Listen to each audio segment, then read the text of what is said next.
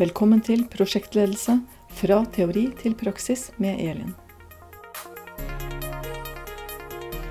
I denne episoden skal jeg snakke om de konfliktene du må styre unna. Jeg har klokkertro på at du kan gjøre veldig mye sjøl.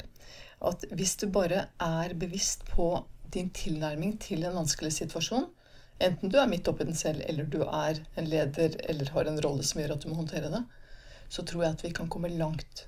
Men det er når vi snakker om normale konflikter mellom normale mennesker. Vanlige mennesker som misforstår hverandre, og som, hvor ting skjærer seg etter hvert. Det kan vi håndtere. Men det er to typer konflikter du skal styre helt unna.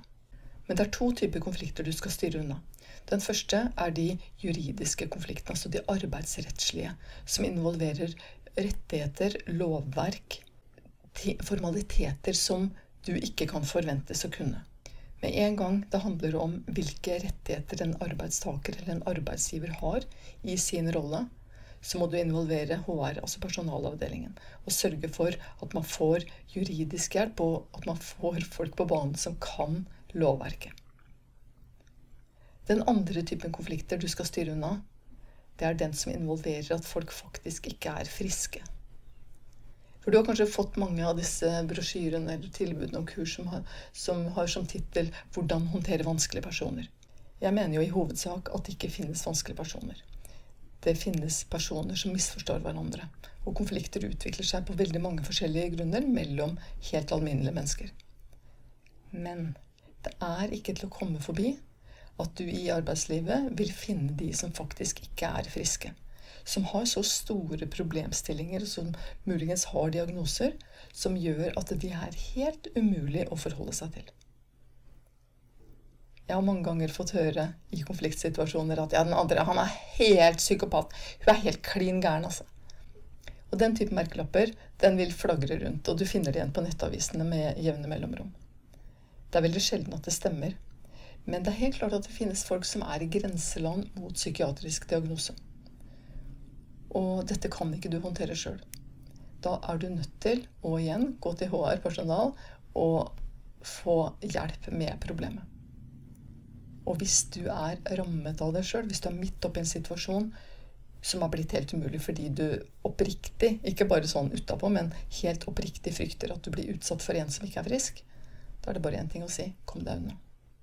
Du klarer ikke den fighten. Du har ingen mulighet til å vinne.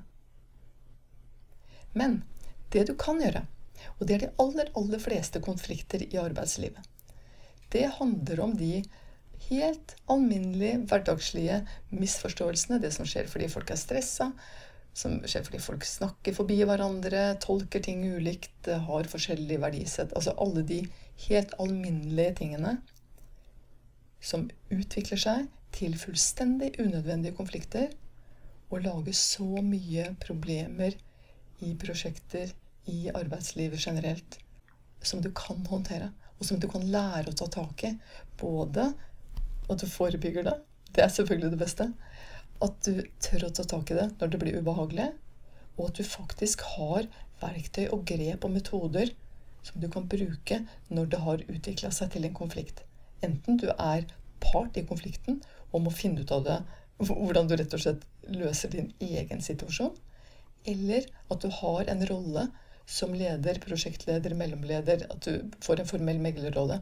Altså at du skal gå inn og løse en konflikt mellom to andre personer. Du har hørt på Elin Mågeng Jacobsen i Adire. Gå til adire.no og finn mer stoff om prosjektledelse, samarbeid, relasjoner, konflikthåndtering i arbeidslivet og i prosjekter.